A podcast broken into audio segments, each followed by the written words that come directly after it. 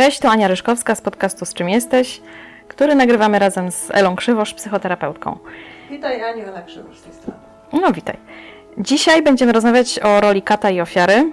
Mm, taki dosyć, myślę, ważny temat, wyrazisty temat. Może w niektórych miejscach wydać się też kontrowersyjny. I pamiętam, że kiedy podczas terapii usłyszałam, że coś takiego jest, że jest taka, takie rozróżnienie na kata i ofiarę, to w pierwszym momencie pomyślałam sobie, uff, nie jestem katem. Że może gdzieś tam jakieś znamiona ofiary się znajdą, ale że na pewno nie jestem katem i to jest super fajna wiadomość dla mnie. W trakcie grupy, w trakcie terapii, no, okazało się, że jest troszkę inaczej. E, I no, przyszła do mnie pewna wiedza, że, że to jest bardzo płynna sprawa i ale myślę, że tutaj opowie o tym Ela, jak to wygląda, bo ja nie będę y, się wymądrzać. I, I, powiem tylko tyle, że każdy jeden uczestnik e, terapii, w momencie, kiedy sobie zdał z tego sprawę, że, y, no, że tak ma, że jest taka, mm, takie rozróżnienie i że może to odnieść do siebie, e, sprawdzić ze swoim doświadczeniem, to był to taki trudny moment e, dla każdego z nas, a, ale też przełomowy, myślę, że, że to po prostu wyzwoliło taką, takie zasoby do, do dalszej pracy, do penetracji tego tematu. Także Elu, powiedz proszę, e, dlaczego te dwie role są tak ważne w procesie terapeutycznym e, i dlaczego w ogóle o nich rozmawiamy, dlaczego mhm. nagrywamy podcast? Mhm.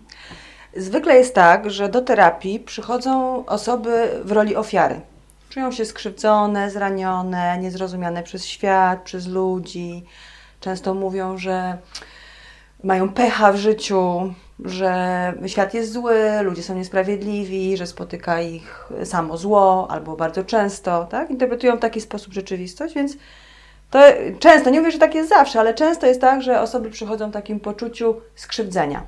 W trakcie terapii, tak jak powiedziałaś, dla mnie terapia jest braniem odpowiedzialności za swoje życie. Tak? To, to jest też zobaczenie, co jest po mojej stronie. Tak? Ja często w terapii mówię, że to, w jaki sposób byliśmy skrzywdzeni, w taki sam sposób potrafimy skrzywdzić. Tak? Że ten komponent w nas istnieje.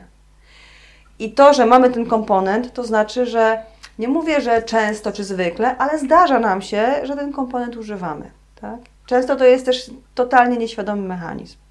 Więc jak bywamy, jesteśmy w roli ofiary, to najprawdopodobniej bywamy też i jesteśmy w roli kata.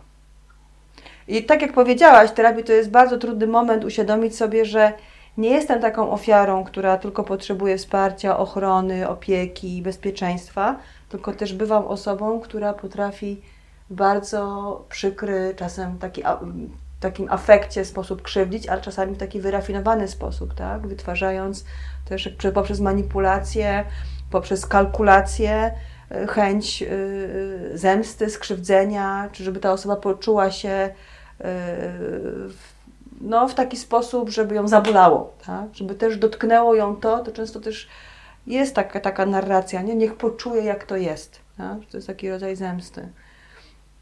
To jest czasem mechanizm świadomy, czasem nieświadomy. Mhm.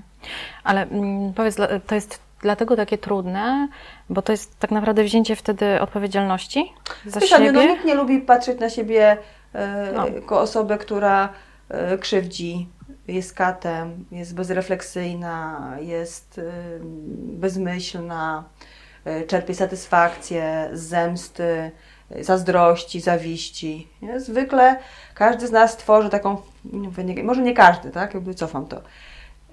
Mamy tendencję do tworzenia takiej fasady narcystycznej na swój temat, tak? Wy, wymyślamy jakąś, definiujemy się jakoś do kontaktu z innymi ludźmi, tak? I w tej fasadzie naszej narcystycznej zwykle nie ma poczucia, że my możemy być katami, nie? Zwykle, mhm. okej, okay, my jesteśmy ci dobrzy, czasem nam się przytrafia, że albo często nam się przytrafia, że trafiamy na złych ludzi. Tak?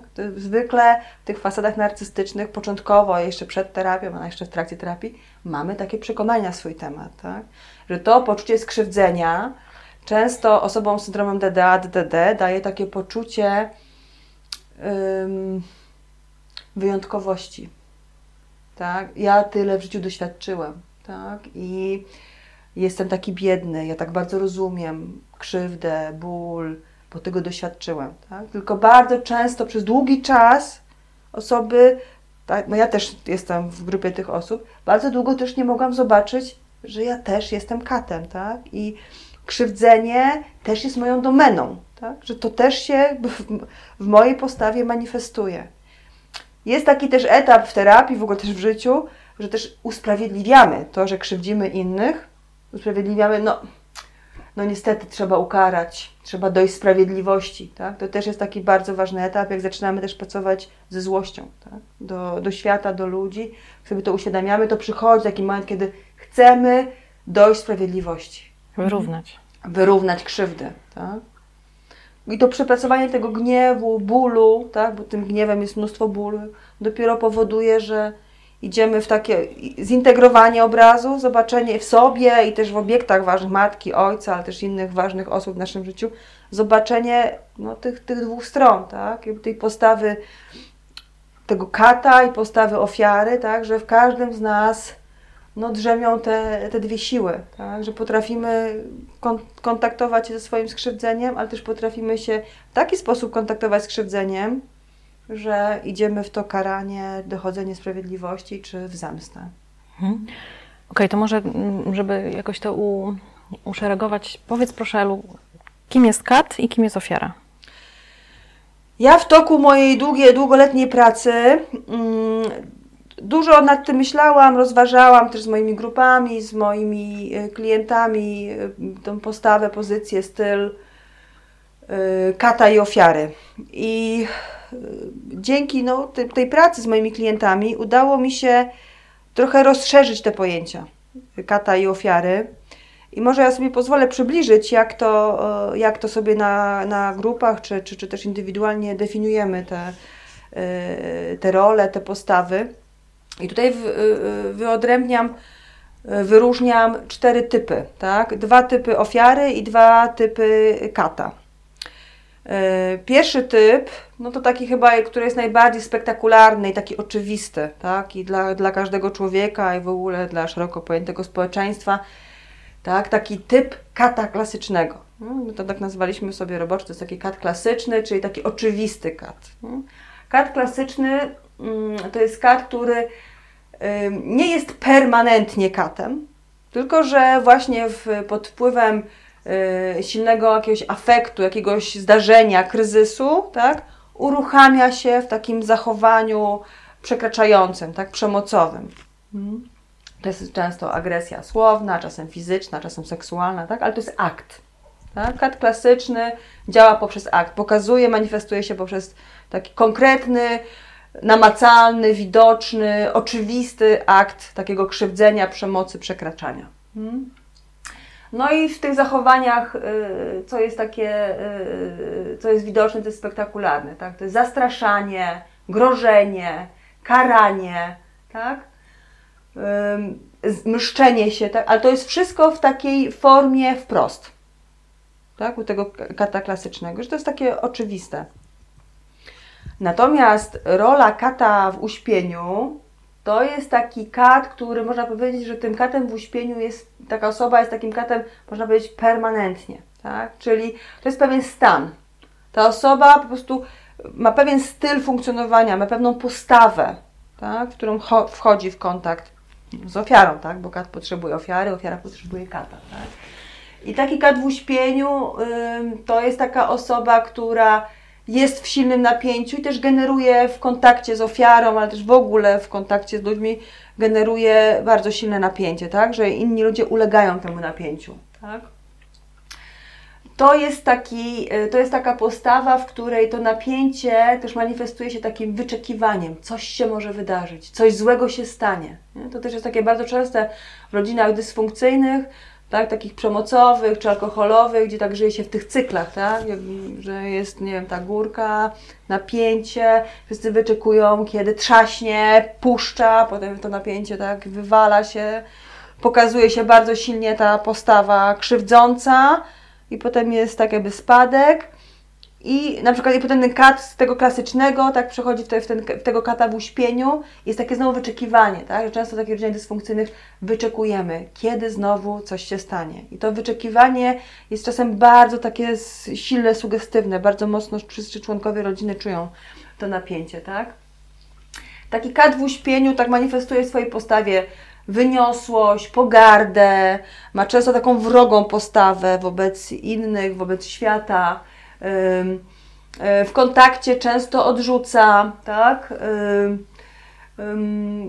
Czerpie dużo satysfakcji z, te, e, z faktu, że ofiara się go boi, tak? I kat w uśpieniu jest, e, jest, jest osoba, która jest w roli kata uśpienia, uśpieniu, ma poczucie, że cały czas kontroluje sytuację. Tak? To, jest, to, jest taka, to jest taka postawa, w której, której no, no ta, to poczucie kontroli jest czymś, co cały czas właśnie jakby tak intensyfikuje jeszcze to napięcie, tak? które ta, ta osoba y, generuje w kontakcie. To są dwie role kata, tak? Kat klasyczny, czyli tak jakby w tym afekcie wybucha, pokazuje się spektakularnie. Kat w uśpieniu to jest taki stan, tak? który jest cały czas w postawie się manifestuje. A powiedz Elu, czy kat wie, że jest katem? Wiesz co, to wszystko zależy. No właśnie. Tak? To... to wszystko zależy, bo um, czasami ta rola jest tak mocno y, wdrukowana poprzez doświadczenie i tak, że y, to się dzieje na takiej dużej bezrefleksyjności.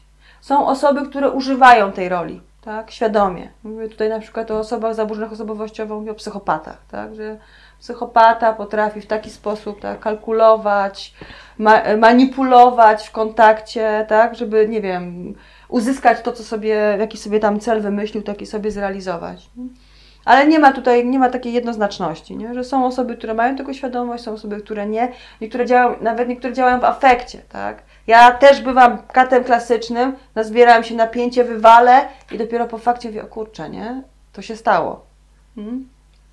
Więc y, to, nie, to nie, nie, nie jest tak, że to jest tak, no mówię chyba, że mówimy o psychopatach, tak? Osobach, które są no, takie wyrafinowane, że korzystają z tej roli, nie? po to, żeby uzyskać swój jakiś konkretny cel. Lub też nawet przygotowują się, tak? Żeby też, tak, tak, tak. Mm, dokonać jakiegoś tam właśnie aktu zemsty, mhm. tak? Mhm. Okay. Czy kalkulują, że jak zachowują się tak i tak, albo zmanipulują w taki sposób, to uzyskają to, to i to. Nie? No to, to, to jest taki kad w uśpieniu dla mnie, nie? który po prostu się bardzo świadomie realizuje w swojej roli. Ale taki kad w uśpieniu, on jest co? No on jest bezrefleksyjny, no bo nawet jeżeli sobie zda sprawę, że, że skrzywdził, to on jakoś się reflektuje? Jakoś przeprosi? Wszystko zależy od poziomu się? refleksyjności okay. tak? i takiego wglądu. Myślę, że to od tego zależy.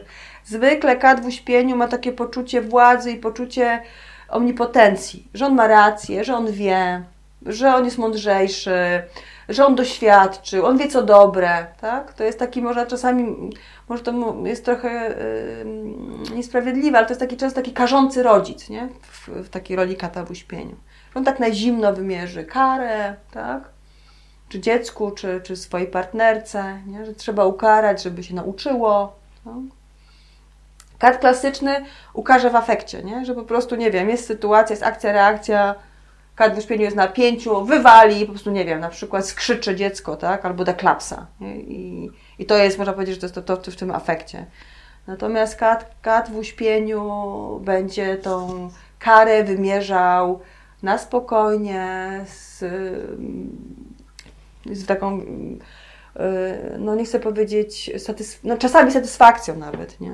Taką, że, że, że to jest oczywiste, że ta kara się należy, więc czasami z taką całą nie wiem, brakuje mi słowa, z takim namaszczeniem tą karę wykonuje. Nie? Więc to też jest, i też te, te karanie, tak, czy przez kata w uśpieniu, czy kata klasycznego, też ona inaczej się w nas zapisuje. Można powiedzieć, że, że ten kat w uśpieniu, no to ma takie cechy sadystyczne, tak. Kat klasyczny to jest taki afekt, tak. Wyskakuje, zapalam się, wywalam i czasem się reflektuje, czasami nie. Hmm.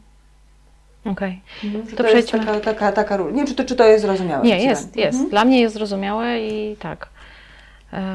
Oczywiście naszych słuchaczy też prosimy o pytania, bo to, bo to jest taki temat, który, który no, nie dla wszystkich może być oczywisty. Tak? Mhm. Że, Tak, jest trudny. I dla nas też pytania, jakby nawet, nie wiem, opowiadanie o tym też, no nie, nie wszystkie pytania nam przychodzą do głowy, nie? Jakie mogą tutaj się pojawić w związku z, z tym tematem, więc prosimy, prosimy o, o pytania w tym obszarze, albo też dzielenie się konkretnymi przykładami ze swojego życia, jak, jak, jak ktoś doświadcza bycia katem w uśpieniu, czy kat, katem klasycznym, albo jak doświadcza w ogóle bycia ofiarą, jak ten kat w uśpieniu, czy klasyczny y, w nas, w, w interakcji z nami y, no, nas nadużywa, tak? Mhm. Bo myślę, że w ogóle role są, role kata i ofiary to są role, które są nadużywające, tak?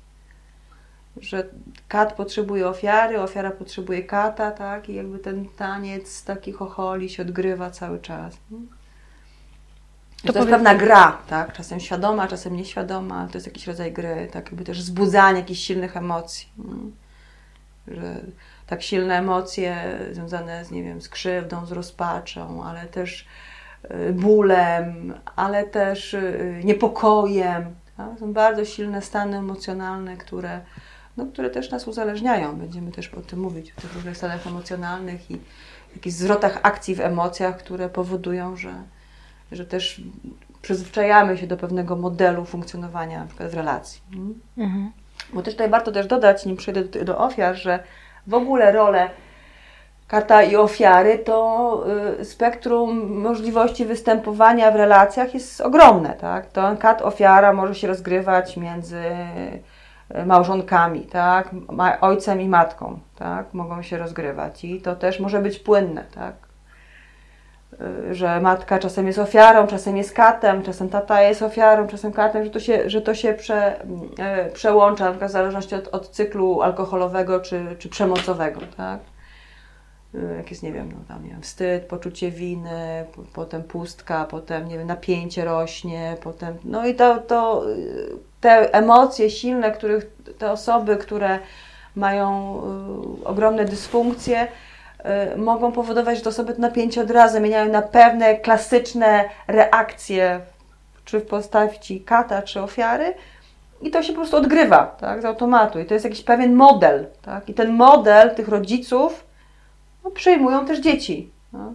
Dzieci też my w, w, w, rodzeństwie mogą odgrywać tę rolę kata i ofiary, tak mogą dokładnie odtworzyć rodzeństwo, mogą odtworzyć ten model e, rodziców. Może być tak, że to czasami dziecko staje się, nie wiem, czasem jest tak, że nie wiem, katem jest ojciec, matka jest ofiarą, ale matka jest katem wobec swojego dziecka, bo odreagowuje, na przykład wyżywa się, a dziecko czasami jest bywa, nie wiem, ofiarą matki, ale na przykład bywa yy, katem swojego ojca na przykład, bo wyżywa się, bo ojciec na przykład, wiesz, to są są mhm. takie niuanse, takie zależności, że to się może w bardzo różnych odsłonach y, zamanifestować w rodzinie. No i też ta rola tych dzieci, tak jak, czy, jak jest, nie wiem, jest ofiarą w rodzinie, no to czasem bywa tak, że w relacjach rówieśniczych poza, poza, yy, poza domem rodzinnym, yy, nie wiem, w szkole, przedszkolu, w innych grupach y, rówieśniczych może to dziecko być postaci kata i być, i być dręczycielem innych dzieci, tak? Albo może mieć tak silną rolę y, ofiary w, w, swoim systemie, że dokładnie w relacjach rówieśniczych odtworzy tą rolę y, ofiary i będzie wzbudzało i pro, prowokowało, w cudzysłowie oczywiście, tak, y, osoby z grona rówieśniczego do, do właśnie wejścia taką interakcję, interakcję znowu ofiara, ofiary i kata. Tak? Jak mówiliśmy na ostatnim podcaście, ofiara Y, tak, sprowokuje kata, a kat znajdzie swoją ofiarę. Nie? To też tak, to tak działa, tak ta energia też przepływa między, y, w tych rolach, tak, między, y, między ludźmi. Wracając właśnie do, do, do, do definiowania, mhm. no to przejdźmy teraz do ofiar. Katów mamy omówionych, ofiara.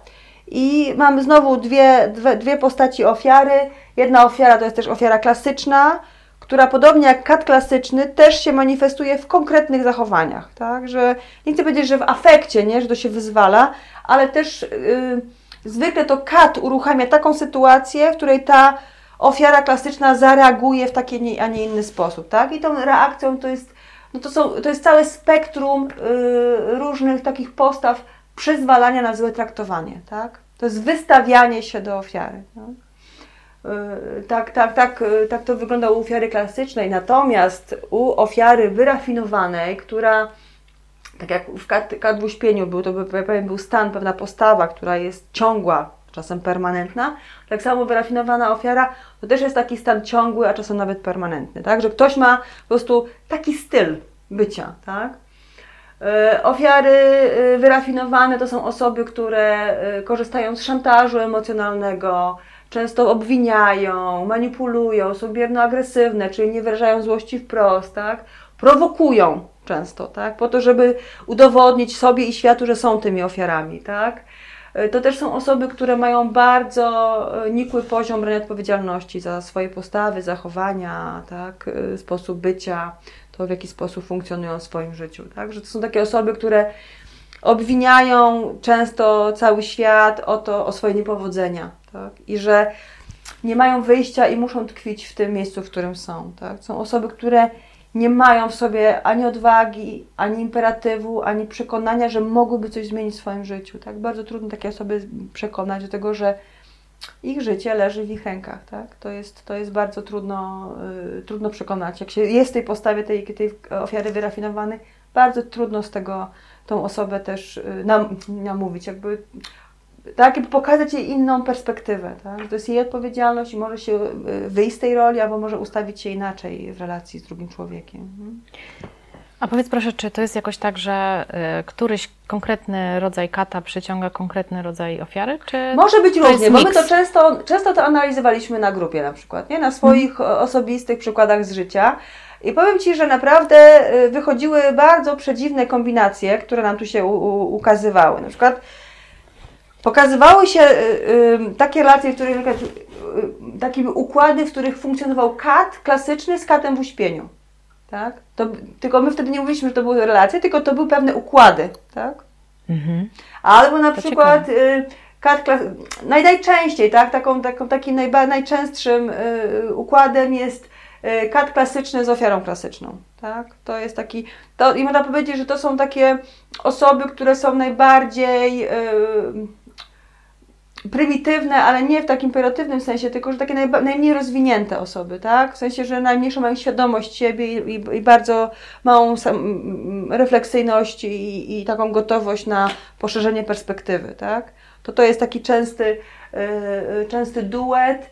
Yy, wyrafinowana ofiara yy, z katem w uśpieniu, ale też z ofiarą też, może też taki wchodzić w układ też. Też pamiętaj, że jak my często też sobie omawiamy to na grupie, to jest tak, że w różnych okresach swojego życia wchodzimy w te wszystkie role, tak? Że okoliczności, to, co przynosi nam życie, to się dzieje w naszym życiu i to, jakich ludzi spotykamy, powoduje, że my wchodzimy specyficznie w te role, tak? No, jesteśmy, jak jesteśmy ofiarą wyrafinowaną, no to też spotykamy specyficzne osoby, wchodzimy w kontakt ze specyficznymi osobami i odgrywamy to, żeby tą, tą ofiarą klasyczną, e, przepraszam, tą wyrafinowaną właśnie być, tak? I myślę, że w ogóle e, proces psychoterapii to jest taki czas, jak, mogę, jak patrzę na cały proces moich klientów, to myślę, że bycie w każdej tej roli pomaga jakby inny aspekt siebie przepracować. Hmm? bo y, i zobaczyć się, że w każdym tym aspekcie my funkcjonujemy w różnych relacjach, w różnych momentach swojego życia, bo zobaczenie się w tych wszystkich odsłonach myślę, że jakby bardzo nas ubogaca w takim rozumieniu tej naszej patologii, naszej dysfunkcji, jaką my mamy, każdy z nas. Mhm. Bo to też, i to też uczy nas takiego brania odpowiedzialności, tak? Umiem być katem klasycznym, umiem być katem w uśpieniu, ale sobie uświadomić, dlaczego i kiedy ja wchodzę na przykład w kata w uśpieniu, nie? na kim i za co chcę się zemścić, tak? za co chcę wyrównać, gdzie chcę do, dojść sprawiedliwości, po co mi to? Jaki ja w sobie gniew trzymam, który przykrywa mój ból? Nie? Myślę, że takie pytania sobie można zadawać i na nie odpowiadać, przy, będąc w roli kata w uśpieniu. Tak? Bywanie katem klasycznym, no to też to pokazuje, jak ja jestem w roli kata klasycznego, czyli mam jakieś emocje, których totalnie nie potrafię ani sobie zdefiniować, ani zrewidować, przeżyć, przyjąć i tak dalej, tylko zbieram jakieś napięcie, nie wiem z jakiej to emocji, po czym wybucham i się wyżywam w takim afekcie, nie? To też można sobie w jakich to momentach mojego życia to się dzieje, z kim to mi się dzieje, tak? To, są, to można, się, mo, można naprawdę fajną taką osobistą analizę sobie y, zrobić. Tak samo w ofierze klasycznej, tak? Z kim, z jakimi typami osób albo płci, z kim ja wchodzę w rolę ofiary klasycznej? Z autorytetem, nie wiem, z kimś, kto uważam, że jest ode mnie silniejszy fizycznie. Nie? kiedy to robię i jakie ja mam te style tych, tych, tych, tych schematów, tak, jakby jakie mam, które, jakie mam konkretne style, które powodują, że przyzwalam na to złe traktowanie, tak? Co ja takiego robię, mówię, co ja takiego w kontakcie wnoszę, że, że jestem tą ofiarą klasyczną i można mnie właśnie potraktować, tak, jak potraktować z pozycji kata i w jakiś sposób, y, nie wiem, no, uszkodzić moje poczucie wartości, tak, bo bycie w, w pozycji ofiary klasycznej, zwykle jak, jak kat nas atakuje, no to to jest taka postawa bezbronna, tak, przyzwalanie na zatraktowanie jest bezbronnością, ale bez... Yy, bez zadbania o bezpieczne warunki, tak? Czyli, bo, bezbro, bo pracujemy nad, bez, nad bezbronnością, oczywiście w terapii, to będziemy też o tym mówić, o wychodzeniu z kontroli, ale y, w bezbronność, na, na bezbronność pozwalamy sobie wtedy, kiedy jesteśmy w bezpiecznych warunkach. Natomiast ofiara klasyczna puszcza mechanizm obronny, pozwala sobie na bezbronność y, w sytuacji, w doświadczeniu totalnie zagrażającym. I to jest zwykle, jak nie zawsze, uszkadzające nasze poczucie wartości. Tak? To jest niszczące doświadczenie. Mhm. No i tak samo z ofiarą klas y, wyrafinowaną, tak? To jest taka rola, myślę, że która, którą bardzo trudno zdefiniować i zobaczyć u siebie, bo to jest taka rola, która pokazuje, jak daleko, jak często właśnie nie bierzemy odpowiedzialności za siebie w swoim życiu. Nie? I to jest taka też trudna i przykra prawda na swój temat. Nie? Że manipuluję, tak? że jestem bierno-agresywna, nie umiem powiedzieć wprost, na przykład co mnie złości, postawić granicę, tylko na przykład jestem złośliwa, y, obojętna albo wyniosła, tak? Robię coś takiego, że nie, mówię, nie pokazuję czegoś wprost. Albo opowiadam sobie czy światu, że y, no, mam pecha w życiu. Nie? To myślę, że warto też sobie tak pooglądać bo, y, siebie w tych różnych odsłonach, no bo dużo ważnych treści o sobie można odkryć. Mhm. Mm. Jeszcze takich ważnych rzeczy, yy, nie wiem czy ja to o tym mówiłam na, po kolejnym, na ostatnim podcaście, należy też pamiętać, że wchodzenie w tę rolę kata, kata w uśpieniu, ofiary czy ofiary klasycznej powoduje wyzwalanie schematów dysfunkcyjnych, destrukcyjnych. Tak? To, jakby, to jak wchodzę w rolę konkretną, to jakby włącza jakby cały już mój algorytm, jakim ja schematem mogę zareagować w kontakcie, nie wiem na przykład ofierze klasycznej, czy poświęcaniem, czy, y, czy, czy podporządkowaniem, tak? Y, czy izolowaniem się na przykład, nie wiem, w, w kacie, w uśpieniu, na przykład surowymi standardami wobec innych, hiperkrytycyzmem wobec innych, tak? Nie wiem, w wyrafinowanej ofierze, no to takim schematem jak na przykład manipulowanie y, innymi ludźmi, tak, dla, dla swojej korzyści, albo y, mm, próba wikłania innych jakby w moje jakieś trudności, albo w, w roszczenia i takie szczególne uprawnienia, że ja jestem kimś lepszym, mi się należy, bo jestem taki biedny, nie? Dlatego mi się należy. Myślę, że tutaj bardzo, każdy z nas ma specyficzne schematy, które uruchamia na, na, w tych rolach, tak? Więc też to sobie warto oglądać. My pewnie, Aniu, zrobimy taki podcast. Jakie konkretne, albo może nawet nie konkretne, ale jakie spektrum tych schematów, które się wyzwalają y, pod wpływem ról y, tych, które dzisiaj omawiamy. E, jeszcze jedna ważna rzecz. Mm, czym się różnią kaci od, od, od, od te dwie, dwie postaci katów od tych dwóch postaci ofiar? Kaci w swojej postawie mają e, zwykle, nie mówię, że zawsze, ale to jest jakaś tendencja, tak? Zwykle mają w postawie takie obwinianie ofiary. To ty mnie sprowokowałaś, to przez ciebie, trzeba było się tak głupio zachować, tak? E, jakbyś tego nie zrobiła, to by to się nie wydarzyło, nie? że sama sobie jesteś winna. Tak? To są, to są takie, takie rodzaje komunikatów. E, czyli obwinianie ofiary za wyładowania. I osoby w, w roli kata manifestują swoje racje, tak? mówią o argumentach, racjonalizują. Często są emocjonalnie są wycofani, tak? Jakby pokazują, znaczy nie, kat w uśpieniu będzie, będzie tylko na napięciu, czujności, kontroli i będzie maskował większość uczuć. Kat klasyczny, on może powierzchownie pokazywać jakieś emocje, ale bardzo powierzchownie, natomiast tylko w tym wybuchu po, pokaże, nie wiem, taką ogromną falę gniewu, wściekłości, tak? To są takie dominujące stany. Zwykle te osoby, mówi się o nich, że one są chłodne, jak się oczywiście w tej roli są, nie? To nie są osoby, tylko te osoby są w tej roli, są chłodne emocjonalnie, tak? Natomiast ofiary, Y, to w tej swojej postawie taką silną manifestacją jest użalanie się nad sobą, tak? To jest takie oskarżanie ludzi, świata, takie wprost albo nie wprost, tak? Ale to jest takie, jaka, jaki ja jestem biedny, nie? Jak mnie ten los doświadczył, nie? Albo nic nie da się zrobić, no takie życie, no urodziłam się w takiej rodzinie, no to już nic nie zrobię, nie? Ty to masz dobrze, ty to widzisz, dostałaś od swoich rodziców coś tam, a ja nic nie dostałam, nie? tylko po głowie. Wiesz, to jest, to jest taka narracja cały czas, nie?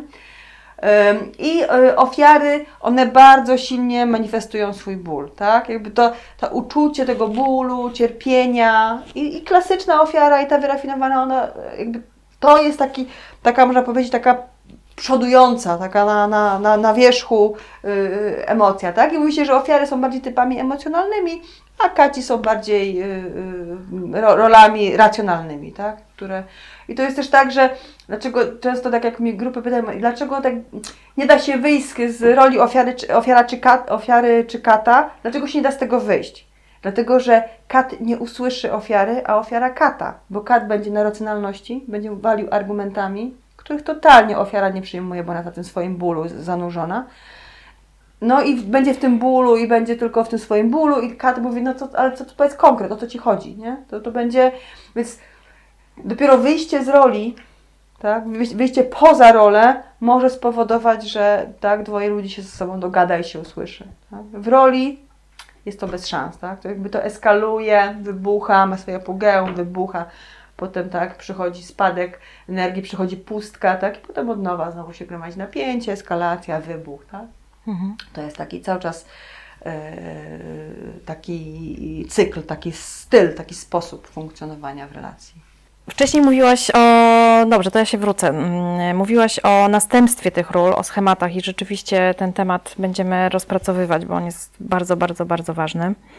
E, ale dzisiaj chciałabym też porozmawiać o genezie, tak? Czyli mhm. Mm, jak to jest, że pewne osoby tą pierwszą swoją rolę mają rolę kata, a, a, inni ofiary. A inni ofiary. Czy wiesz, po pierwsze, myślę, że bardzo ważne jest, no w ogóle modelowanie, to ja, to tak jak myślę o psychologii, psychice, to modelowanie to jest takie, no, no na, na stan wiedzy i mojego doświadczenia na ten moment, może to mi się zmienić z czasem, na ten moment y, mówię, że modelowanie jest kluczowe, tak? Czyli? Y, to, co manifestuje rodzic w kontakcie z dzieckiem okay. i co rodzic manifestuje w kontakcie ze swoim partnerem, partnerką, tak? To jest kluczowe. Tak? To, to wymodelowane najbardziej, według mnie, na ten moment mojej wiedzy i doświadczenia, najbardziej się zapisuje w dziecku. Tak? Okej, okay, no ale jeżeli ja mam e, rodziców kata i ofiarę, to jak to się dzieje, że ja wybieram którąś z tych ról? Bo ym, czasami, jak, jeżeli jesteś opiekunem albo bohaterem, to stajesz po, po, stajesz po którejś ze stron. Mhm. I to stanięcie po którejś ze stron powoduje, że ty jakąś rolę masz wiodącą. Rozumiem. Mhm. No dobra, no czyli mhm. modelowanie. Dziecko obserwuje rodziców i nasiąka tym. Mhm. I kopiuje. Tak, tak, tak? w jakimś kopiuje. sensie kopiuje, tak? W ogóle myślę, tylko też każdy z nas też reaguje trochę na inaczej na krzywdę, tak? Każdy ma inny komponent, y, inne zasoby, inne deficyty i u jednych krzywda powoduje budowanie się takich mechanizmów obronnych, a, a u innego innych mechanizmów obronnych, tak? Niektórzy, nie wiem, pod wpływem krzywdy bardziej cierpią, a niektórzy pod wpływem krzywdy bardziej się utwardzają. I tutaj znowu są różne mechanizmy, które powodują, że dzieje się tak czy inaczej. Tu pewnie też ma wpływ i nie tylko to środowisko, czy to modelowanie, ale też pewnie genetyka, też temperament dziecka, tak? też y, ilość i jakość opiekunów korektywnych poza systemem. Także tutaj tych czynników jest mnóstwo. Tak? Więc to się tak nie da jednoznacznie stwierdzić, czy to, czy Twoją wiodącą rolę, którą będziesz wskakiwać pod wpływem napięcia, będzie ofiara czy kat. Ja myślę, że może być tak, że jakiś taki brakuje mi słowa, zbiór różnych okoliczności, nie wiem, właśnie tak, ktoś, kto ci przypomina ojca, a tutaj okoliczności takie jak, nie wiem, w środowisku twoim rówieśniczym, tak, jakiś taki, ty w takim, a nie innym stanie emocjonalnym, uruchomisz, nie wiem, rolę kata albo uruchomisz rolę ofiary. Nie? Myślę, że to jest bardzo już indywidualna kwestia. Nie? Tutaj jakby bardzo proszę y, naszych y, słuchaczy, żeby też sobie to rozważali, tak? Jakby jaka, jaka może być ich taka wiodąca tak, tendencja, do jakiej roli wchodzimy, co jest triggerem, co nas wyzwala, że właśnie wskakujemy w taką, a nie inną rolę. Nie? To jest taka bardzo cenna wiedza na swój temat. Mhm. Bo tak jeszcze pytałaś, dlaczego tak, wchodzimy w tę rolę, jakby co powoduje, że my wchodzimy? No myślę, że napięcie. Tak? Czyli mamy jakieś emocje, których nie jesteśmy w stanie w danym momencie sobie y, uświadomić i świadomie ich przeżyć i sobie ich uporządkować, tylko nie, bo sytuacja na przykład jest kryzysowa i też wtedy się nie da, nie? To się reaguje rolą i schematem, to wiadomo, no bo to jest instynkt przetrwania bierze górę. Ale w momencie, kiedy możemy sobie to uświadomić, możemy tak te emocje sobie przeżyć, no to nie będzie się gromadziło to napięcie. Nie? Będziemy dbać o to, żeby nasze potrzeby nie były frustrowane za bardzo, albo żeby nie było tej deprywacji, czyli odcięcia tych potrzeb emocjonalnych, tylko będziemy żyli w tym kontakcie ze sobą i dbali o warunki swojego życia, tak, szeroko pojęte, dobre warunki życia, żeby to zadbać, no to, ta to, to te, te emocje, których nie umiemy przeżyć, no nie będą się gromadziły w napięcie. Ale jak będziemy w sytuacjach, gdy to napięcie z różnych powodów się będzie gromadzić, no to następstwem tego nierozładowania w zdrowy sposób tego napięcia będzie wejście w rolę, a rola spowoduje schemat i po prostu się odegra to nasze stare scenariusze, których często odgrywać nie chcemy. Kurczę, no nie chciałam tak w ogóle postąpić, a to się znowu wydarzyło. Mhm. E, Okej. Okay. Ja tak słucham Ciebie, milczę, bo, e, bo sobie analizuję to tak mm, w czasie rzeczywistym trochę i trudno jest być teraz w mojej roli e, osoby, która z Tobą rozmawia, bo siłą rzeczy to się odnosi do siebie, do swojego doświadczenia i nie da się tego tak po prostu. To nie jest instrukcja obsługi komputera, tylko to, to, to są ważne rzeczy. E, ale postaram się wznieść na wyżyny i, i jednak e, skupić na tyle, żeby, żeby poprowadzić rozmowę i zadać mm, właściwe pytania. Co się dzieje? Dobrze, powiedzieliśmy o tym, e, jak, co to są za role, jakie są ich rodzaje, jak się w nie wchodzi to teraz jak się z nich właśnie wychodzi, jak już człowiek sobie zda sprawę, że no dobra, jestem tym katem, albo że to jest, znaczy, że to jest we mnie dominujące i chcę to przeformułować, to, to co? Myślę, to że, jak? Ja myślę, że najważniejsze jest to, żeby odzyskać kontakt ze sobą. Czyli tak, co się teraz ze mną dzieje. Mhm. To jest pierwsza rzecz. I, I takie odzyskiwanie kontaktu ze sobą Y, myślę, że warto rozpatrywać na, y, od razu, starać się to na czterech płaszczyznach, tak? Co ja teraz myślę, co ja teraz czuję, co się dzieje z moim ciałem, jak ja się zachowuję. Tak? Zrobić sobie taką, nie lubię tego słowa, ale go taką analizę, tak? sobie taki przegląd, zrobić tak sobie tak zmonitorować, co się ze mną dzieje. Tak? To jest pierwsza rzecz. Najczęściej też pamiętajmy, że pod tym wszystkim, pod, pod już tak, już tak to, mm, to napięcie, tak, w napięciu często też jest bardzo dużo lęku, tak, są jeszcze inne emocje, których my nie umiemy, nie umiemy, y, nie umiemy się zrealizować, nie umiemy, nie umiemy ich y, świadomie przeżyć, ale też bardzo często jest mnóstwo lęku, czy takiego uczucia, którego czujemy jakiś niepokój, nie wiemy skąd. Tak? Nie umiemy go zdiagnozować, tak? bo strach to już jest taki uczucie, że my już wiemy skąd to się bierze, wiemy co możemy z tym zrobić, tak? bo tak już wiemy co, czego się boimy. Natomiast lęk jest takim uczuciem często wolno płynącym w nas, które powoduje, że nie wiemy co się dzieje, więc się napinamy, próbujemy, lęk jest bardzo takim dyskomfortującym uczuciem, tak? to jest taki rodzaj rozedrgania, które powoduje, że mamy wrażenie, że możemy stracić kontrolę, tak? A strata kontroli może spowodować taką, też taką znowu lękową myśl, że się rozpadniemy, albo wszystko się posypie, albo się coś złego stanie. Tak? To jest taki. Więc próbujemy tak też to, ten lęk wypierać poprzez właśnie takie wzbieranie się tego napięcia. Wchodzimy w tą rolę, żeby tą sytuację sobie przetrwać. Tak? Więc znowu tu się cofamy, tak? Nie zawsze jesteśmy w stanie zobaczyć, tak? czego my się tak naprawdę boimy, co, co tutaj się, co, co się w tej sytuacji dzieje. Hmm? Ale no takie proste sposoby wychodzenia, no bo tak jakby z tym lękiem to pracujemy zwykle na terapii, bo to też to są tak silne mechanizmy obronne i ten lęk wolno płynący, taki uogólniony, nie wiadomo skąd, to bardzo często, y, bardzo często samemu jest nam trudno to zdiagnozować i zdefiniować. Tutaj odsyłam wtedy osoby do, do terapii, żeby, żeby, żeby sobie to zgłębiły już w, w, w swoich, y, w kontakcie z swoim terapeutą. Ale taka ważna rzecz, pierwsza, pierwsza jaka mi przychodzi do głowy, to żeby wyjść z tej sytuacji. Tak? Po prostu z niej wyjść. Często jest tak, jakby obserwuję, yy, na przykład takich letnich kawiarenkach, gdzieś tam sobie siedzimy, nie? przychodzi wieczór, ktoś tam się bardziej upije, zaczyna się awanturować, tak? I tak obserwuję, że jest kilka typów zachowań, takich, yy, które bardzo się mocno odnoszą do tych ról, nie? I yy, są osoby, które na przykład z taką osobą pijaną, która się awanturuje, na przykład zaczynają z nią też się kłócić, też się awanturować, bo chcą ją przekrzyczeć, chcą ją zastraszyć w jakimś sensie, nie? Jest część takich osób. Jest część takich osób, która próbuje, czy to można powiedzieć, że to kat klasyczny z katem klasycznym. Są takie osoby, które po prostu są w takiej pozycji takiego kata w uśpienia i tak patrzą z politowaniem i z wyższością, nie? No, no, no i to też się tak wyczuwa, że, to, że taka jest też część osób, która w, tak, w taką rolę wchodzi, nie? W tej sytuacji takiej zagrażającej, bo jest awantura, nie? Wiadomo, ona jest zagrażająca dla wszystkich. Ktoś jest pijany, jest nieprzewidywalny. No więc mamy tak, jedni się awanturują też, próbują go uciszyć poprzez awanturę, nie? Czyli kat klasyczny z katem klasycznym. Są kaci w uśpieniu, którzy patrzą z politowaniem, z wyższością i taką, ale też takim poczuciem mocy, nie? Że są ponad tym. Jest trzeci typ osób, nie? Taka, taka ofiara y, klasyczna, która pójdzie i będzie obłaskawiać, uspokajać, będzie wchodziła w tą paszczę lwa, ale tylko po to, żeby obłaskawiać, nie? Znaczy taka ofiara klasyczna, czyli się wystawia na pierwszy, pierwszy strzał, pierwszy front, tak? No i też jest ofiara wyrafinowana, tak? Która nie wiem, manifestuje swój niepokój, albo że to ktoś mi tu zabierasz mi tu moją przestrzeń, coś mi psujesz, tak? Myślę, że każdy z nas, jakby te wszystkie cztery postawy w takim ogródku yy, z, z, piwem wieczorem w parku, yy, pewnie nieraz zaobserwował. I niestety bardzo rzadko się zdarza, że ktoś zareaguje poza rolą, tak? Czyli, czyli? na przykład, nie wiem, przerwie tą sytuację, czyli wezwie policję, tak?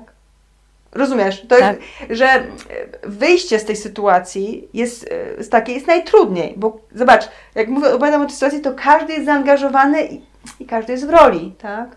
Natomiast rzadko się zdarza, bo, albo długo to trwa często, nie? Że ktoś po prostu spoza jest, potrafi być, wejść w tą pozycję, jest w tej pozycji obserwatora już, w tym metapoziomie, zobaczy tą sytuację i ją przerwie, tak?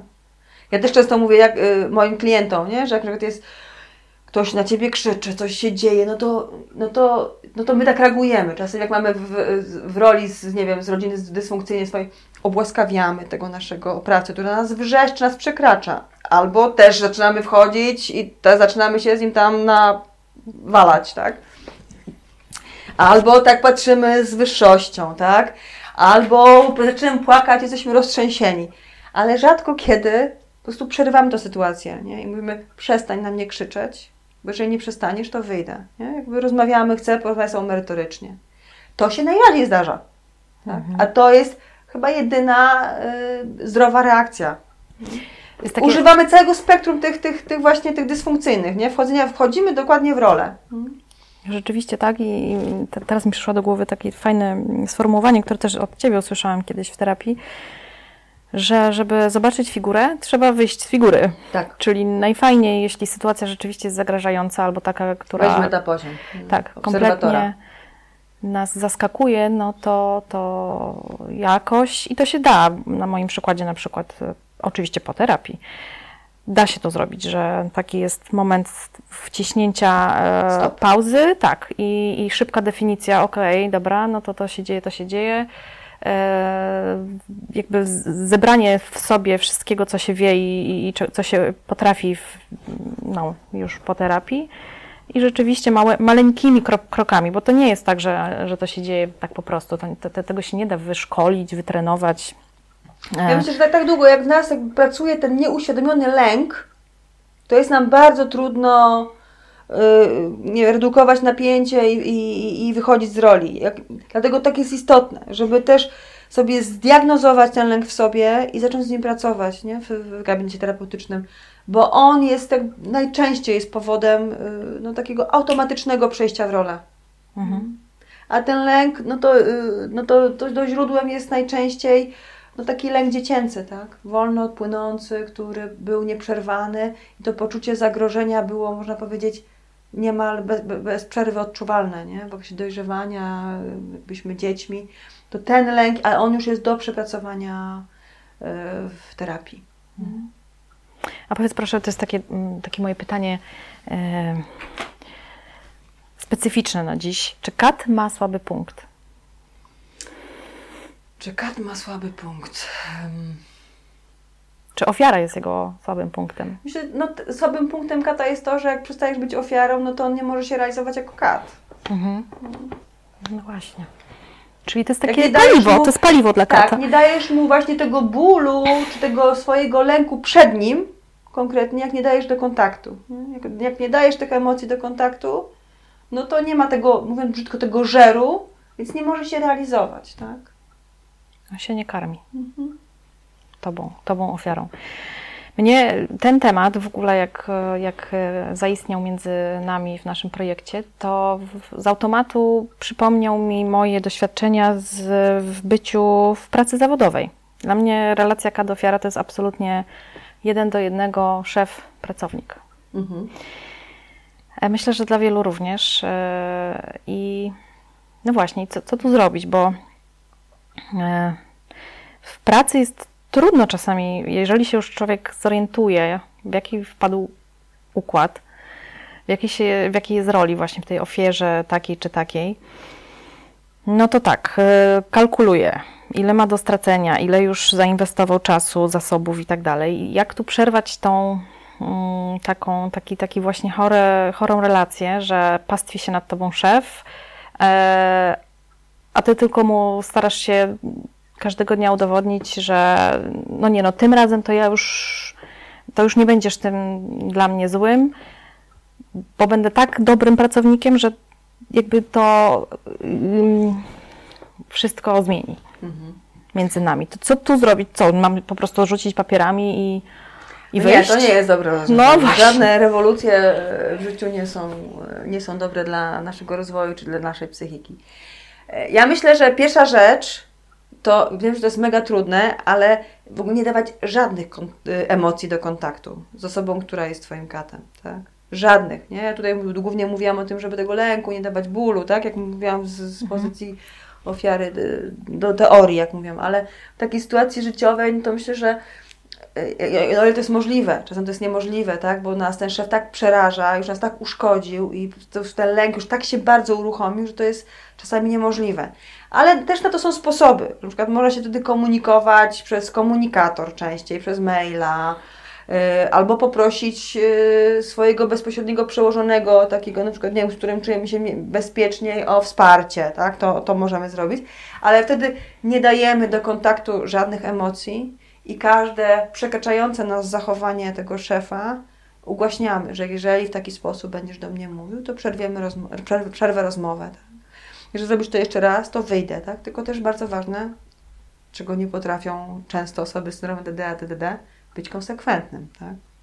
Że to, co mówię, to zrobię, to to robię, tak? To to jest bardzo istotne, bo mm, chciałam powiedzieć psychopata, no też psychopata, ale kat w ogóle... Szef psychopata. Tak, szef psychopata E, e, myślę, że, że to jest jak bardzo istotne, tak? bycie konsekwentnym, bo bycie konsekwentnym też powoduje, że my stawiamy granice i budujemy, e, pokazujemy, że nie damy się przekroczyć i to jest nasz, tak, jakby dbamy o swój szacunek i o swoją godność. Jak jesteśmy niekonsekwencji, niekonsekwentni, to dajemy do kontaktu informacje, że można nas nie szanować, można nas przekraczać, można, można od nas egzekwować, tak? bo na, na, na, tej, na, na tym stanie emocjonalnym, w którym jesteśmy, zwykle lękowym, bardzo dużo jest, jest, jest, jest, jest, jest, znaczy szef jest dużo w stanie z nas wycisnąć wtedy, nie?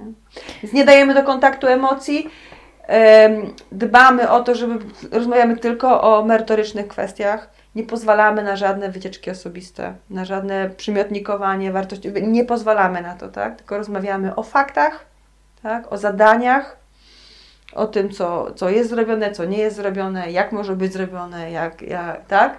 Konkret. odnosimy się zawsze do konkretów, tak? I każdą wycieczkę osobistą zatrzymujemy.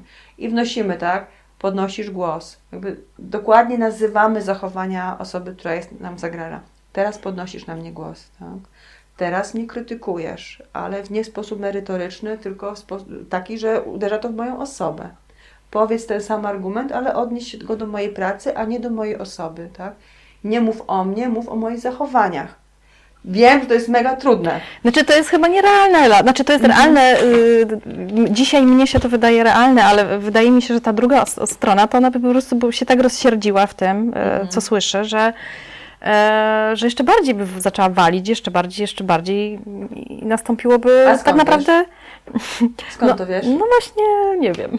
Znaczy, nie mam tego w doświadczeniu. No nie właśnie, mam, bo to może o to chodzi, że czasami, czasami jest tak, że y, wiesz, że jak my nie mamy, tak, no to taką Ci powiem sytuację z grupy, nie? że mhm. na przykład zaistnieje na grupie jakiś konflikt i w pierwszym odruchu, jak jest ten konflikt, to każdy z osobna w grupie w pierwszym odruchu na swój sposób, jaki ma w schemacie, próbuje ten konflikt zażegnać. Tak? A ja jako terapeuta mówię nie. Rozwiązujemy konflikt. Tak? Bo w większości z nas jest taki lęk, bo w naszych rodzinach było tak, że konflikt kończył się awanturem i bólem i cierpieniem. Niemal każdy konflikt albo każdy konflikt tak się kończył. Więc w naszym doświadczeniu jest, jak tylko zachodzi konflikt, to trzeba tak zrobić, żeby nie zakończyło się bólem, cierpieniem. Hmm? No więc ja na grupie moich podopiecznych, moich klientów uczę. Dobra, wchodzimy w konflikt, rozmawiamy, rozmawiamy, rozmawiamy, szukamy kompromisu. Tak działamy jak um, organizm demokratyczny. Szukamy rozwiązania, rozmawiamy. Jak ktoś unosi się w swoim schemacie, żeby atakować, to ja mówię stop, nie atakuj, Powiedz to, powiedz o swoich emocjach, powiedz o swojej złości, powiedz jak ty to widzisz, powiedz o zachowaniu, tak? Odnieś się, nie atakuj tej osoby, nie? Powiedz, co teraz przeżywasz, tak? E, co się teraz z Tobą dzieje. Tak? Odnoszę, jak, jak ktoś ma jakąś trudność i próbuje się uruchomić w schemacie, na przykład, nie wiem, ktoś chce wyjść, muszę stąd wyjść. Ja mówię, poczekaj, dlaczego chcesz wyjść? Co się z Tobą dzieje, że chcesz wyjść? Bo zaraz tu się stanie jakaś tragedia. Jaka tragedia, nie? I mówię, Tutaj się nie wydarzy żadna tragedia. Ja tutaj jestem na straży, rozmawiamy, rozwiązujemy konflikt. I to jest y, bardzo ważne, jedno z pierwszych takich korektywnych doświadczeń w grupie, że nie musimy dojść do rozwiązania sytuacji. Tak? Ale rozwiązanie konfliktu jest to, że opada napięcie i każdy wypowie swoje emocje, wyrazi się, tak? I ma miejsce na to, żeby być szacunkiem i godnością, uwagą przyjętym. No? I to obniża napięcie. I jak każdy z grupy może się wypowiedzieć, jak się czuje z tym konfliktem, który się wydarzył, zwykle, jak nie zawsze, można y, dojść do, do jakiegoś kompromisu, do jakiegoś konsensusu. Tak? W naszych rodzinach to zwykle było niemożliwe. Więc tak, to, co powiedziałaś, mhm. jak ja bym stawiała granicę temu szefowi, to on by eskalował. Tak, i rzucił papierami mi. Zwolnił, zwolniłby mnie, na pewno. Karał zwolnił. Czyli mhm. tak jak y, było w naszych domach, że przyjdzie kara. Więc my mamy też w naszym skrypcie, jak ja się przeciwstawię, będzie kara. Okej, okay, może tak się zdarzyć, ale nie musi. Nie wiesz tego nie? co się wydarzy. I zawsze stawiasz na szali swoją godność. Mhm. I to, czy pozwolisz sobie uszkodzić poczucie wartości, tak, czy nie? A powiedz, co jeśli, bo czasami tak mam, że jak wchodzę w jakąś relację zawodową i wiem, że ta relacja zawodowa właśnie jest oparta na tej dychotomii, że klient czy też szef może być moim katem i wszelkie jakieś moje intuicyjne... No to będzie twoim katem, jak ty wejdziesz w pozycję ofiary. To zawsze o tym pamiętaj. Że to, od, okay. to jest twoja odpowiedzialność. Jeżeli ja wejdę w rolę ofiary, no to znajdę kata. Albo kat znajdzie mnie. No to, no ale no to po, powiedzmy pierwsze pięć minut, on jest katem, ja jestem ofiarą. Weszłam w tą rolę i co mam zrobić? Mam wyjść z tej relacji? Czy Czy starać się siebie jakoś e, właśnie to, co mówisz, wszystko y, skontaktować się ze sobą, ocenić tak, sytuację? ze sobą, ale też zbadać, jak się ma mój, moje poczucie wartości w tym momencie, jak jest moją, y, moją godnością, czy jestem tu szanowana, czy pozwalam się nie szanować. No te pytania sobie odpowiadasz. Mhm. Jeżeli czujesz się przekraczana i Twoja godność jest naruszana i nie czujesz się szanowana, a Twoje poczucie wartości zaczyna być naruszane, a czujesz to poprzez to, że zaczynają Ci się uruchamiać negatywne przekonania na swój temat, to z tej sytuacji wychodzisz. Tak? Okay. I mówisz szefowi, przepraszam Cię, ale ta sytuacja mnie przekracza, chcę to przerwać, bo sposób, w jaki do mnie mówisz, powoduje, że ja nie słyszę merytorycznych argumentów, tylko czuję się atakowana. Tak? Muszę to przerwać, wrócimy do rozmowy, albo proszę Cię zmień sposób mówienia do mnie. Okej. Okay. Mhm. Bo to, to trzeba badać. Nie? Trzeba badać Twoje poczucie wartości, godność, szacunek, granice. Czyli to jest naruszane. Nie? Czyli de facto, jeżeli coś nam się dzieje w, z kimś, to nie patrzymy na tego kogoś, tylko, tylko patrzymy na, na siebie. siebie. Zawsze wychodzisz od siebie. No tak ktoś mi mówi, a ten szef mnie skrzywdził. To ja mówię, wiesz co, nie szef cię skrzywdził, tylko ty dałaś się skrzywdzić żeby cały czas odnosimy do siebie, tak? Uczymy tak. się być odpowiedzialni za siebie. Co ja takiego wniosłam w kontakt, że to się wydarza, tak? No to jest. Bo ten mój klub. szef, y, y, psychopata, nie z każdym jest katem, a ze mną jest. To co jest we mnie, że on się na mnie uruchamia jak na ofiarę? Co ja takiego robię, że on staje się moim katem? Cały czas szukanie swojej odpowiedzialności. Co jest po mojej stronie? Tak? Wychodzimy z tej wyrafinowanej ofiary. Nie? Kurczę, ja trafiam na tych szefów psychopatów. No nie. Ja w jakimś sensie też wybieram tych szefów psychopatów, nie?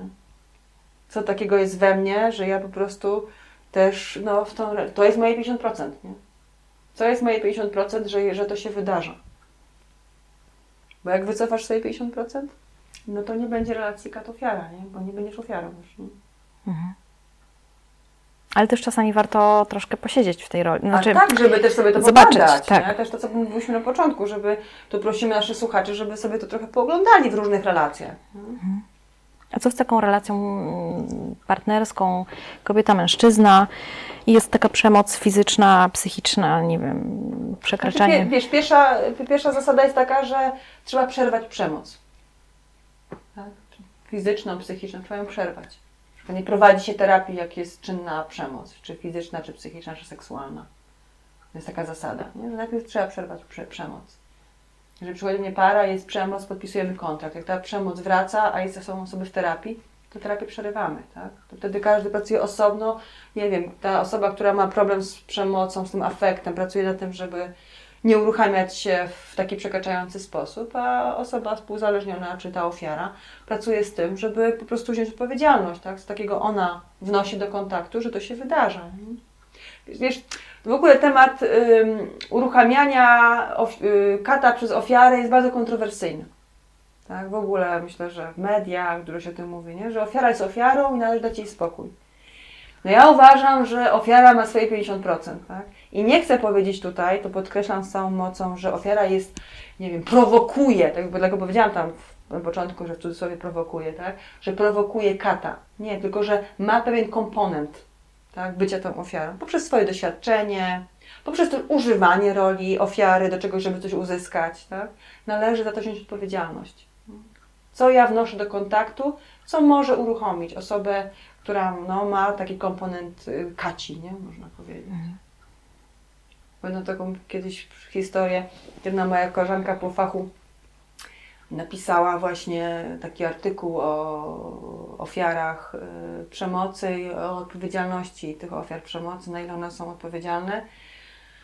I pamiętam, jaka fala hejtu wylała się pod tym artykułem, który dla mnie potwierdził, że te ofiary są bardzo agresywne, bardzo wyrafinowane, nie? że taką mhm. miały trudność z przyjęciem, że jednak też jesteś po ich stronie. No, ktoś reaguje agresją na coś, co, z czym się nie zgadza, to znaczy, że ta treść w jakiś sposób pracuje, czyli w jakim sensie też jest o, o tej ofierze. Tak? Też pamiętam taką historię z dawnych czasów, jak y, przyszedł do mnie y, klient przerażony i opowiadał mi historię, że y, nigdy w życiu nie, że jest z potworem, tak jak zaczął sesję, nigdy w życiu nie uderzył kobiety, w jego rodzinie nikt nigdy nie uderzył kobiety, a on uderzył swoją żonę. I przybiegł do mnie, bo jest potworem i trzeba go zamknąć albo go leczyć, bo y, czuł się potwornie z tym faktem, że, że przekroczył swoją żonę i ją uderzył. No, zaczęliśmy rozmawiać o relacji jego, jego z jego żoną. Okazało się, że żona pochodzi z rodziny dysfunkcyjnej, w której była przemoc i w której była bita przez ojca. I opowiadał, opowiedział mi historię, która doprowadziła do uderzenia, e, do uderzenia e, go przez. Znaczy, do uderzenia. Którym, przez niego. Tak, w mhm. którym on uderzył ją. Opowiadał historię, że przez półtora godziny, jak on zmywał naczynia, nie wiem, przesadziłem, jak sprzątał, a potem zmywał to przez półtora godziny, żona szydziła z niego i go wyzywała go od pantoflarzy, homosi, metroseksualnych, tak? Jakby umniejszała, uderzała cały czas w jego męskość, y, prowokowała go, podrapała go y, i on po prostu w odwecie popchnął ją i ona się tam uderzyła o framugę, tam ramieniem czy szyją, tak? To było to. Więc to też pokazuje, tak, że i dla mnie to, y, to jest taka sytuacja, która y, pokazuje, jak czasami ta ofiara, taka nieuświadomiona w nas, tak, nie wiem, no tak sobie wyobrażam, że można mieć sobie jakieś napięcie, jakiś też żal do swojego męża. Nie, na przykład mówię o, o, tej dziewczynie, fantazjuję o tym, nie? że mogła mieć jakąś pretensję, żal, jakieś rozczarowanie nim, i w, nie umiała w tego w bardziej konstruktywny sposób wyrazić, że została zraniona, więc postanowiła go sprowokować do tego, żeby potem udowodnić sobie, że on jest tym katem, że mężczyźni są generalnie są, są mhm. źli, biją kobiety, przekraczają. Że w jakimś sensie odtworzyła ten wzorzec, ten schemat ze swojego domu, nie? że sobie to w jakimś sensie udowodniła. Więc to pokazuje, że ja zresztą mówię, że to jest 50 na 50. Nie? Więc warto wziąć to pod uwagę. I to, wiesz, fakt, że on też ją uderzył w końcu, że, że to się wydarzyło, to znaczy, że też miał jakiś komponent tego kata, nie? może bardzo głęboko ukryty, wyparty, ale też było coś takiego, co się, co się uruchomiło, tak? Ale pod wpływem tak, tej prowokacji. Więc nie zawsze jest tak, że to kat rozpoczyna ten chocholi taniec, tylko czasami to ofiara uruchamia, tak? Bo ma takie napięcie, ma jakieś emocje niewyrażone, nie umie ich sobie przeżyć albo dać się do kontaktu, więc woli sprowokować kata, żeby kat dokonał swojego dzieła, że można powiedzieć, proszę, no, jesteś złym człowiekiem, bijesz kobiety. Mhm. Ja jeszcze pamiętam, e, w terapii było tak, że często używaliśmy takiego słowa pomiędzy sobą ofiarzenie się. Przestań się ofiarzyć, ofiarzysz się, mhm. wkurwia mnie, jak się ofiarzysz. No to było nagminne. I co to tak naprawdę znaczy? To, to myślę, że to było też bardzo różnie na grupach, że czasami to ofiarzenie to było E, właśnie bezbronnością już czyjąś, na którą osoby, które nie, bardzo jeszcze silnie kontrolowały siebie, na sobie, którą sobie nie pozwalały. Tak? Nie wolno im sobie pozwolić, bo bycie bezbronnym tak, powoduje wystawienie się na skrzywdzenie. Więc jak się widziało osobę, która już pokazuje tą bezbronność, no to mhm. się uruchamiała złość, że co ty robisz, nie? Wystawiasz się, nie? Że to, że to jest złe, to jest niedobre, to po prostu zaraz będzie z tego jakaś katastrofa. Więc te osoby zaczynały robić takie psztyczki, żeby ta osoba potem zamknęła tą swoją bezbronność, tak? Odpowiedziała na, te, na, na tą potyczkę i mhm. żeby, żeby ta bezbronność się zamknęła. Oczywiście, no też zdarzają się osoby na grupie, które są w pozycji wyrafinowanej ofiary. Nie? To, to też tak się dzieje. No i osoby, które mają już trochę większą świadomość na grupie, konfrontują to. Nie? No, weź odpowiedzialność trochę. Ofiarzysz się, to czasami może znaczyć weź odpowiedzialność. Albo może być, albo ofiarzysz się, czyli ojej, jesteś bezbronna, nie, to nie jest dobre, szybko ubierz tą zbroję z powrotem, bo tu stanie Ci krzywda, więc muszę Ci tak trochę tutaj mhm. pomóc Ci to zamykać, nie? To są, myślę, że, że to mogą być te dwa mechanizmy. Tam jest jeszcze ich więcej, ale ja mówię o tych, które zauważam na grupie, nie? Że, to, że to się czasem dzieje. Mhm. Ale to wiesz, co mi to zostało na przykład, że właśnie jak czasami się tak zacznę użalać nad sobą, bo myślę sobie, o Boże, jak mnie jest ciężko i trudno, to mówię, kurde, ogarnij się, bo się ofiarzysz. I, i to jest jakoś gdzieś tam potrzebne, no, jednak taki dzwonek. Mhm. Ale pytanie, nie? Na ile, no. na ile ty jesteś właśnie w kontakcie ze sobą na bezbronności, hmm. a na ile ty jesteś w wyrafiowanej ofiarze, która mówi, nic nie zrobię w tym swoim życiu, wszystko jest przeciwko mnie, świat jest przeciwko, ludzie są źli, a i nic się nie zmieni. Czy to jest to? Czy to czy jest to bardziej jest, to? jest mi teraz tak źle i mam przyzwolenie na to? Chcę po prostu pobyć ze sobą, popłakać sobie, bo wydarzyło się to i to i to i potrzebuję takiego swojego czasu, żeby po prostu być na tej czułości ze sobą. Nie? Więc tutaj też trzeba zrobić to rozróżnienie. Nie? Myślę, że w ogóle temat bezbronności, kontroli. To też jest kolejny temat, który gdzieś sobie też Tak. tam odnotowujemy, żeby poruszyć, bo, bo to jest, y, bo myślę, że to też y, otwiera kolejne drzwi, nie? Takiego rozumienia, co się ze mną dzieje i dlaczego. Czyli gdybyśmy miały podsumować dzisiejsza, dzisiejszą rozmowę, albo powiedziałabym nawet wykład, to, to, to co jest najważniejsze, żeby zapamiętać? Że każdy z nas ma tą taką Myślę, że każdy z czwórkę. nas ma komponent bycia w, w każdej z tych czterech ról. Tak. I warto za to wziąć odpowiedzialność. Mm. I szukać tych triggerów, które uruchamiają mnie, czy w roli kata, czy kata w uśpieniu, czy w roli ofiary klasycznej, czy, czy w roli ofiary wyrafinowanej. Tak? Kiedy, jak długo, po co, po co jestem tak, jaką to funkcję spełnia, po co ja to robię, co ja chcę uzyskać, tak. w czym i dlaczego nie chcę brać odpowiedzialności. Dla mnie najważniejsze jest w relacji patrzeć na siebie, tutaj badać teren, bo to mi da odpowiedź, dlaczego osoba w relacji się dzieje zachowuje w mojej się głowie, tak, w, myślach, w myślach, w emocjach, w ciele, jak się zachowuję, jak się ma moje poczucie wartości, moja godność, mój szacunek, moje granice. Nie? Żeby Mhm. sobie to pytanie zadawać w sytuacji, w której czujemy się przekraczani, jakkolwiek. nie? Żeby sobie to pobadać. Żeby tak sobie nasi słuchacze i my też sobie tak, żeby- żebyśmy sobie tak wdrukowały właśnie te tak, pytania do siebie. Nie? W takich sytuacjach, które są dla nas niewygodne, zagrażające, nieznane, w których czujemy się zagubieni, tak? żeby sobie ten zestaw pytań odtwarzać. To pobadajmy sobie. Pobadajmy. Dzięki Elu za dzisiaj Dziękuję Aniu. no i do usłyszenia. Do usłyszenia.